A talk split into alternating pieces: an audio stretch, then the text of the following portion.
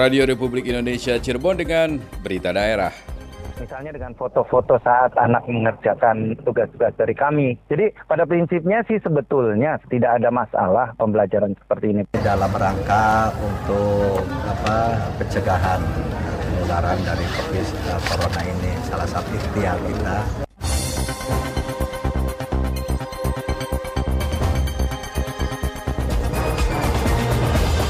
Sari berita, para siswa sudah merasa kangen terhadap pembelajaran tatap muka di sekolah.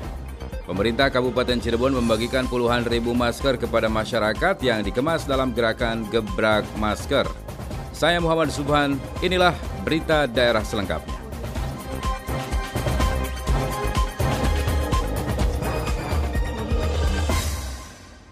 Sekolah luar biasa sayangi kota Cirebon tidak terpengaruh oleh pembelajaran jarak jauh. Laporan Lengga Ferdiansyah.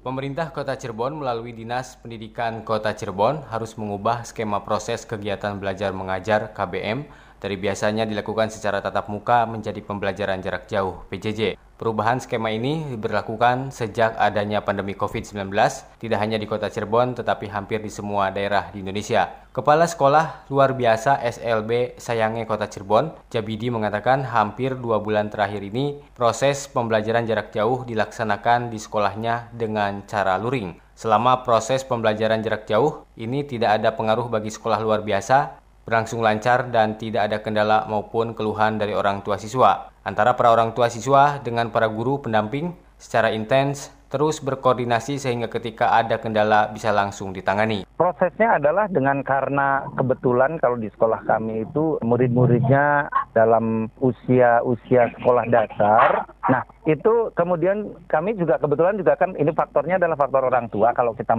berbentuk daring. Akhirnya kami dengan sistemnya luring yaitu siswa diberi tugas oleh gurunya kemudian setiap satu minggu artinya kalau kami tentukan setiap hari Senin itu mereka menyerahkan tagihan gitu. Sekaligus dengan laporan berdasarkan eh, kegiatan yang sudah dilaksanakan misalnya dengan foto-foto saat anak mengerjakan uh, tugas-tugas dari kami. Jadi pada prinsipnya sih sebetulnya tidak ada masalah pembelajaran seperti ini dikatakan Jabidi yang menjadi persoalan saat ini adalah kejenuhan siswa-siswinya dalam proses pembelajaran jarak jauh kerap menerima keluhan dari para siswa-siswinya karena merasa jenuh mengikuti proses PJJ atau belajar di rumah. Anak-anak didiknya mengeluhkan rasa kangennya ingin bertemu dengan teman-temannya begitu juga dengan para gurunya. Pandemi COVID-19 diharapkan segera berakhir agar pembelajaran tatap muka bisa kembali dilaksanakan. Meskipun memaklumi dengan proses pembelajaran jarak jauh, tetapi pembelajaran tatap muka lebih efektif. Lengga Ferdiansah melaporkan.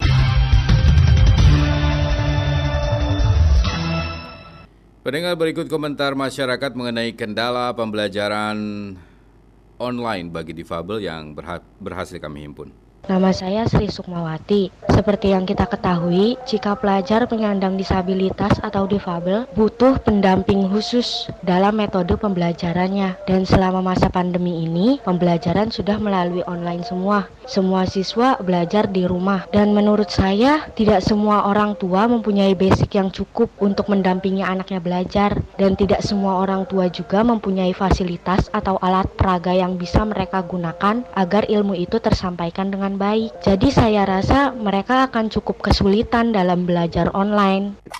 Nama saya Aziz. Pembelajaran online untuk kaum difabel ya menurut saya kayaknya kurang terlalu efektif karena ya pembelajaran lewat biasa yang secara manual seperti biasanya saja banyak kendala apalagi yang pakai online itu kan. Ya makanya dari pemerintah harusnya jangan terlalu parno dengan pandemi ini.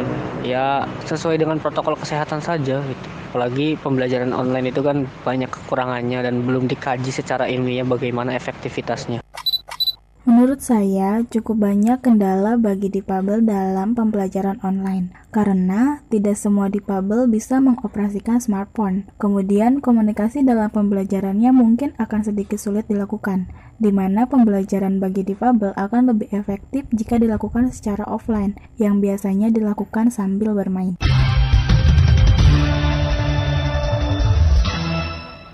Dan untuk membahas lebih lanjut mengenai kendala pembelajaran online bagi difabel, kita akan dengarkan perbincangan Yulianti dengan Guru Besar IAIN Syekh Nurjati Cirebon, Profesor Dr. Haji Cecep Sumarna, MAG.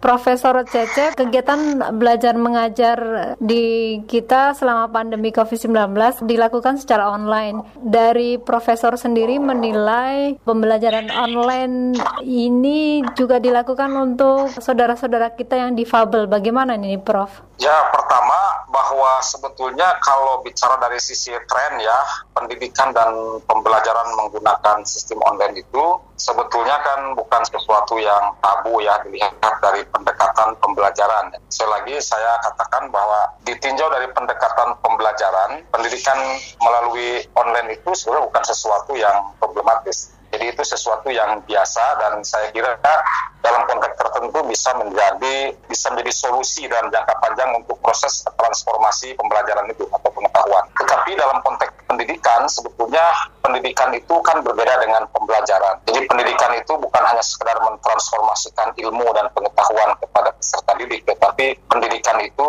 mencakup unsur-unsur transformasi nilai, transformasi budaya, transformasi adat, transformasi peradaban dan kebudayaan. Dan itu saya kira tidak bisa proses-proses tadi itu murni dilakukan dalam pendekatan pembelajaran. Jadi oleh karena itu sebetulnya dalam konteks pendidikan kita membaca dalam literasi filsafat pendidikan, pendidikan online itu sebetulnya tidak mungkin mencakup semua komponen-komponen yang tersedia di dalam pendidikan. Mengapa? Karena napas seorang pendidik dalam hal ini guru itu akan sangat berbeda tentu saja dengan ruang tanpa napas. Jadi kalau pembelajaran melalui online itu kan hampir bisa dipastikan napas seorang guru itu tidak sampai itu kepada peserta didik. Tetapi kalau misalnya pendidikan itu dilangsungkan dalam kelas, saya kira napas seorang guru itu akan terasa desahnya di hadapan para peserta didik. Ini saya kira pesan pertamanya Mbak ya. Ya Prof, apa kendalanya ketika ini juga bisa dinikmati oleh teman atau saudara-saudara kita yang difabel? Tentu uh, untuk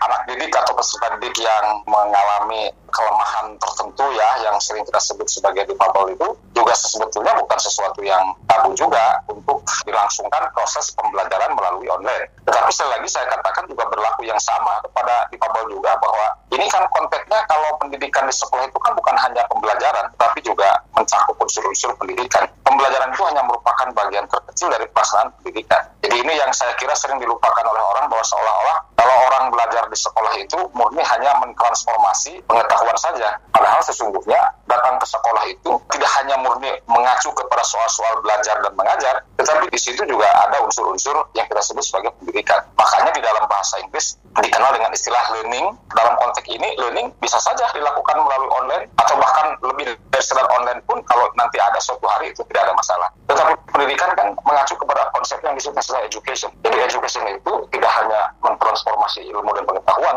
tetapi mencakup transformasi nilai, transformasi budaya, transformasi tradisi, transformasi nilai-nilai luhur yang dimiliki oleh bangsa kita kepada satu generasi dan generasi berikutnya. Hal ini juga berlaku untuk para difabel sebetulnya. Jadi secara umum sebetulnya pendidikan dan pembelajaran melalui online itu sebetulnya hanya merupakan proses darurat saja. Jadi itu saya kira tidak mungkin bisa dipakai dalam konteks jangka panjang. Jadi ini situasi darurat menghadapi COVID-19 saja. Mudah-mudahan COVID ini segera berakhir. Dari berakhirnya COVID-19 ini mudah-mudahan pendidikan dan pembelajaran kembali dihidupkan di dalam kelas. Prof, kalau meminimalisir tantangan yang dihadapi oleh saudara kita yang difabel ini bagaimana nih Prof? Terutama untuk yang pembimbingnya ya, karena memang harus juga dilakukan secara online seperti itu. Ya itu, itu lebih lebih berat lagi karena apa ya sistem teknologi semaju apa pun pada sampai pada saat ini kan mungkin pada situasi-situasi tertentu belum bisa menyentuh seluruh keperluan sebagaimana keperluan yang biasa dilakukan atau diperoleh oleh manusia yang normal ya. Mm-hmm. Nah, teman-teman kita yang di Pabel itu tentu butuh alat, butuh teknologi yang lebih canggih ya. Dan saya kira ini menjadi lebih problematis lagi soal ini. Kenapa? Karena tidak semua orang yang memiliki anak di Pabel itu memiliki latar belakang ekonomi yang berkecukupan. Ini juga problem lainnya. Jadi problem lain yang kita hadapi dalam konteks pendidikan dan pembelajaran yang dilangsungkan melalui proses online ini adalah akan menuntut uh, akan menuntut para orang tua ya tentu saja orang tua siswa dimaksud untuk meningkatkan kapasitas teknologinya termasuk juga kapasitas pengetahuan mereka tentang teknologi. Nah ini Ini harus dibedakan ini. Jadi teknologi sebagai sebuah media, teknologi sebagai sebuah alat itu kan kemampuan teknologisnya belum tentu juga dikuasai oleh semua pihak ya, apalagi oleh keluarga yang memiliki anak di difabel itu. Nah oleh karena itu maka menurut saya akan menjadi dua gerakan, akan menjadi dua langkah. Jadi langkah pertama bagaimana anak-anak yang teman-teman kita yang di difabel itu memiliki kemampuan sekaligus kesanggupan untuk mengakses teknologi. Di sisi lain bahwa dia juga harus mengikuti perkembangan-perkembangan pengetahuan yang ditransformasikan melalui pendekatan online itu ya. Nah ini memang beratnya. Nah ini persoalannya akan semakin berat lagi terasa ketika orang tua yang memiliki anak di difabel itu tentu saja tidak memiliki kemampuan ekonomi yang cukup baik karena teknologi yang diperlukan untuk anak-anak di difabel tentu saja ini akan menjadi lebih tinggi uh, kuadran kepentingannya dibandingkan dengan manusia-manusia atau teman-teman kita yang normal atau yang biasa gitu ya. Nah oleh karena itu saya kira pemerintah wajib turun tangan di sini. Jadi pemerintah dituntut hadir ya dituntut ada di sekitar masyarakat yang kita sebut tadi masyarakat Ya, ini mungkin kesempatan bagi pemerintah ataupun negara untuk bisa hadir mengakomodir seluruh warganya termasuk saudara-saudara kita yang difabel untuk bisa juga mengakses teknologi tersebut. Betul, betul. Ini kesempatan negara, kesempatan pemerintah untuk hadir di tengah-tengah masyarakat dan akan ditunjukkan di sini kehadiran mereka apakah mereka betul-betul hadir sebagai pengayom, sebagai medium sekaligus sebagai fasilitator bagi seluruh komponen bangsa tentu apalagi bagi orang-orang difabel itu apakah pemerintah hadir bersama mereka untuk mendorong mereka agar transformasi ilmu, transformasi pengetahuan tadi termasuk transformasi nilai dan budaya bisa terus diselenggarakan atau tidak kepada masyarakat luas. Saya kira ini akan menjadi ujian penting lah bagi kita semua ya. Profesor Cecep, terima kasih waktunya Prof. Sukses selalu. Sama-sama, terima kasih.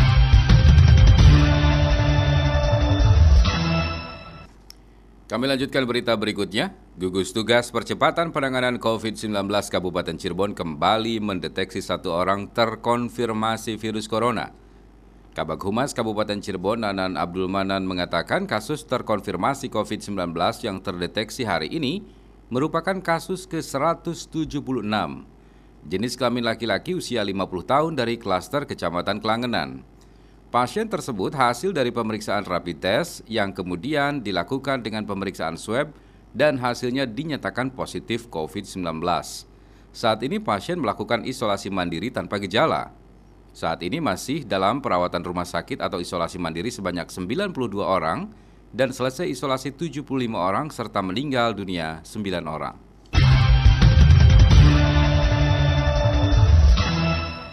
Kepekaan masyarakat kota Cirebon terhadap penyebaran COVID-19 kian mengendur. Untuk itu, saat Narkoba Polres Cirebon Kota kembali meningkatkan disiplin masyarakat mengenai protokol kesehatan pencegahan COVID-19, terlebih lagi bagi yang beraktivitas di luar ruangan. Petugas membagikan hand sanitizer dan masker sekaligus memberikan edukasi pencegahan penyebaran COVID-19 kepada masyarakat yang tengah beraktivitas di sejumlah tempat seperti area olahraga Bima, pengguna jalan di jalan-jalan protokol, pesepeda, penumpang angkutan umum, dan lainnya. Kasat Narkoba Polres Cirebon Kota Ibtu Muhammad Ilham mengatakan, kegiatan pendisiplinan masyarakat untuk tetap menjalankan protokol kesehatan dilakukan secara serentak di berbagai tempat dengan cara menyebar puluhan anggota sembari memberikan edukasi kepada masyarakat tentang bahaya dan pencegahan COVID-19. Menurutnya, seluruh elemen masyarakat harus tetap bersatu berkomitmen dan berkelanjutan untuk mencegah penyebaran COVID-19. Pihaknya pun mengingatkan, walaupun sudah dalam adaptasi kebiasaan baru, masyarakat tidak boleh lengah terhadap bahaya COVID-19.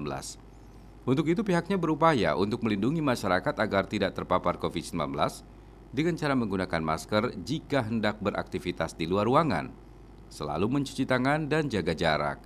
Selain itu, pihaknya pun melakukan sosialisasi mengenai bahaya penggunaan dan penyalahgunaan narkoba demi melindungi masyarakat dari jerat narkoba yang juga sangat berbahaya.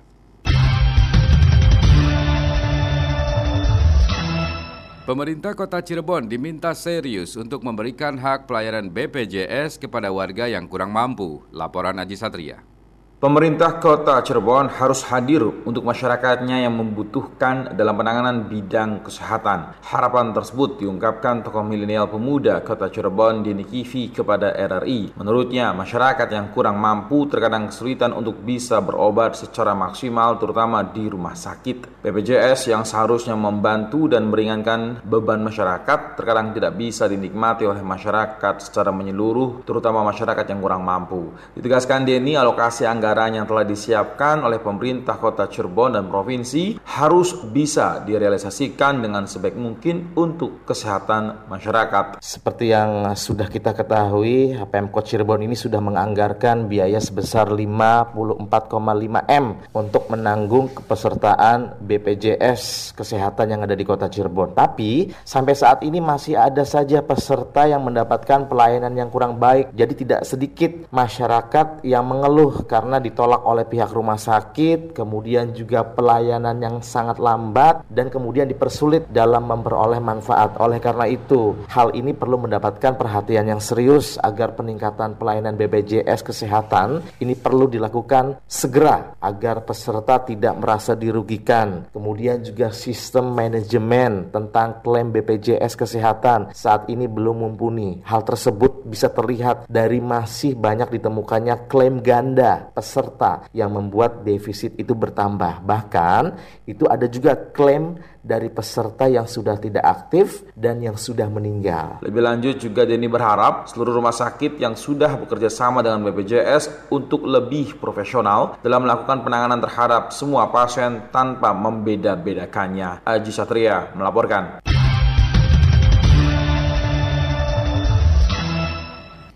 Dari 12 korban luka kecelakaan maut di KM 150 Tol Cipali, Kabupaten Majalengka, Jawa Barat, beberapa orang masih menjalani perawatan di Rumah Sakit Mitra Plumbon, Cirebon. Kepada puluhan awak media, Wakil Direktur Pelayanan Medis Rumah Sakit Mitra Plumbon, Pundi Ferianto, mengatakan, seorang korban kondisinya masih kritis akibat luka berat yang dialaminya. Dari total 12 korban yang dirawat, 8 korban sudah diizinkan pulang dan 4 lainnya masih dirawat. Pundi mengatakan untuk korban yang masih menjalani perawatan itu mengalami luka di bagian kepala dan tangan dengan mayoritas mengalami patah tulang di kaki dan tangan. Sementara itu satu orang masih belum sadar dan masuk ruang HCU. Pundi mengatakan korban luka yang masih menjalani perawatan merupakan penumpang bus. Sebelumnya kecelakaan maut di KM 150 Tol Cipali itu melibatkan tiga kendaraan, yakni truk, bus, dan elf. Ke, akibat kecelakaan tersebut, empat penumpang bus meninggal dunia dan 12 penumpang lainnya luka-luka.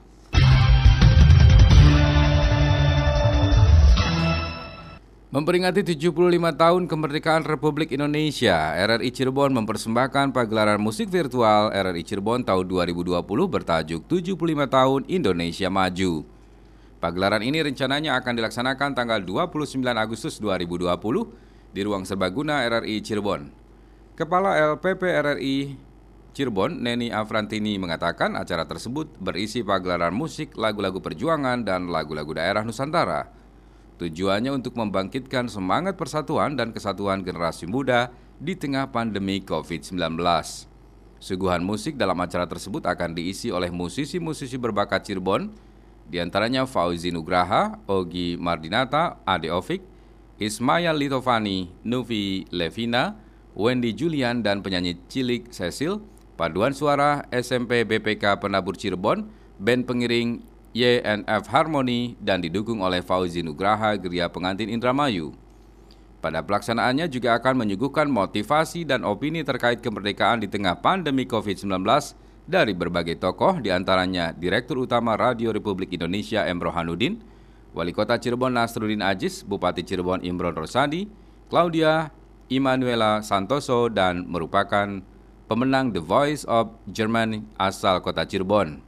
Atlet berprestasi, tenaga medis dan gugus tugas percepatan penanganan COVID-19 Kabupaten Cirebon dan acara ini disiarkan secara virtual tanpa penonton dengan mematuhi protokol kesehatan melalui Pro 1 RRI Cirebon 94,8 FM dan Pro 2 FM dan melalui live YouTube channel RRI Cirebon. Pagelaran virtual dipilih mengingat saat ini masih dalam masa pandemi untuk persiapan telah dilakukan panitia dan seluruh pengisi acara di antaranya sesi latihan kemarin yang didampingi pelatih vokal Coach Dian Luiska.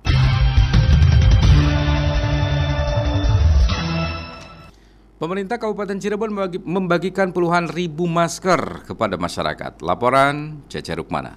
Dalam rangka untuk apa pencegahan penularan dari COVID eh, corona ini salah satu ikhtiar kita karena kata orang ahli di antaranya salah satunya itu pakai masker. Sebagai salah satu bentuk pencegahan penyebaran virus COVID-19 di masyarakat, pemerintah Kabupaten Cirebon membagikan puluhan ribu masker kepada masyarakat. Gerakan yang dinamakan Gebrak Masker ini dilaksanakan oleh ibu-ibu yang tergabung dalam gerakan PKK dan organisasi wanita lainnya. Dalam gerakan gebrak masker ini, para relawan membagikan masker kepada masyarakat. Kegiatan ini juga untuk mendukung gerakan menggunakan masker yang sedang digaungkan oleh pemerintah. Bupati Cirebon Imron menegaskan penggunaan masker merupakan salah satu cara untuk mencegah penyebaran virus COVID-19. Dalam rangka untuk apa pencegahan penularan dari COVID corona ini salah satu ikhtiar kita. Karena kata orang ahli di antaranya salah satunya itu pakai masker. Nah kita nanti akan ngomongnya kok akan enak nih masyarakat bisanya woti tapi kita harus membagi dikit. Hari masyarakatnya kayak kok non masker ini kita yakin bagi masker dulu. Bahkan nanti dengan PKK GOW kan pasti nanti ke rumah-rumah kita akan siapkan beberapa masker nantinya Bupati menjelaskan pada tahap pertama akan membagikan 48 ribu masker dan pada tahap-tahap berikutnya akan terus ditambah Sementara itu, saat ini sudah menyiapkan sanksi bagi warga yang tidak menggunakan masker, namun diharapkan sanksi tersebut tidak sampai dikenakan kepada warga jika warga mengikuti imbauan yang sudah diberikan oleh pemerintah. Cacar Mana melaporkan.